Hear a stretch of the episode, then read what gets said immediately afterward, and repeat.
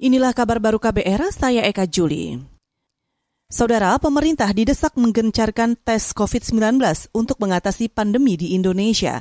Dewan Pakar Ikatan Ahli Kesehatan Masyarakat Indonesia, Hermawan Saputra, menyebut pengetesan menjadi pintu masuk dalam mendeteksi sebaran kasus COVID-19. Konsekuensi dari sebuah testing pasti akan ada hasil apakah dia positif ataukah negatif. Kalau dia positif, yang positif ini di tracing ke mana saja sudah dia berhubungan dengan orang lain, maka yang teridentifikasi positif ini ditangani, dirawat, dipulihkan. Itu tadi Dewan Pakar Ikatan Ahli Kesehatan Masyarakat Indonesia Hermawan Saputra. Sebelumnya, Ikatan Dokter Indonesia atau IDI menyebut jumlah tes COVID-19 di Indonesia masih di bawah standar Badan Kesehatan Dunia atau WHO. WHO menetapkan standar pemeriksaan satu orang tiap seribu penduduk per pekan.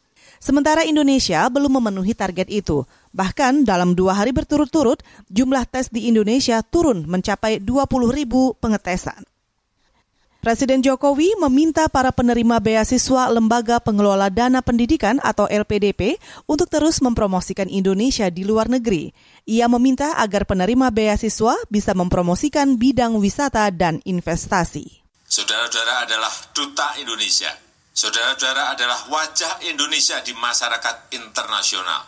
Bagi saudara-saudara yang kuliah di luar negeri, tunjukkan bahwa Indonesia itu damai dan bersatu, penuh toleransi, dan selalu Bhinneka Tunggal Ika.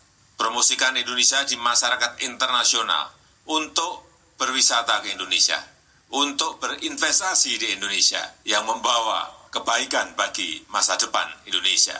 Presiden Jokowi juga meminta penerima beasiswa terus mengasah keterampilan, terutama soal manajerial. Bekas wali kota Solo ini juga meminta agar penerima beasiswa bisa menggunakan kesempatan untuk terus mengembangkan pengetahuan.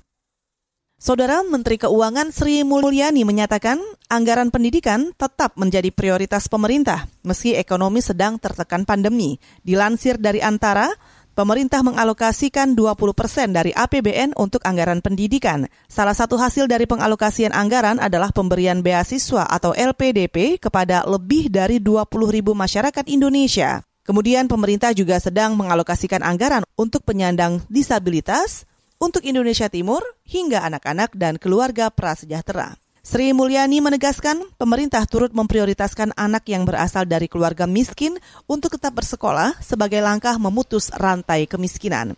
Menurutnya, komitmen pemerintah itu sejalan dengan keinginan Indonesia untuk dapat memperbaiki kualitas sumber daya manusia agar dapat bersaing seperti negara lain.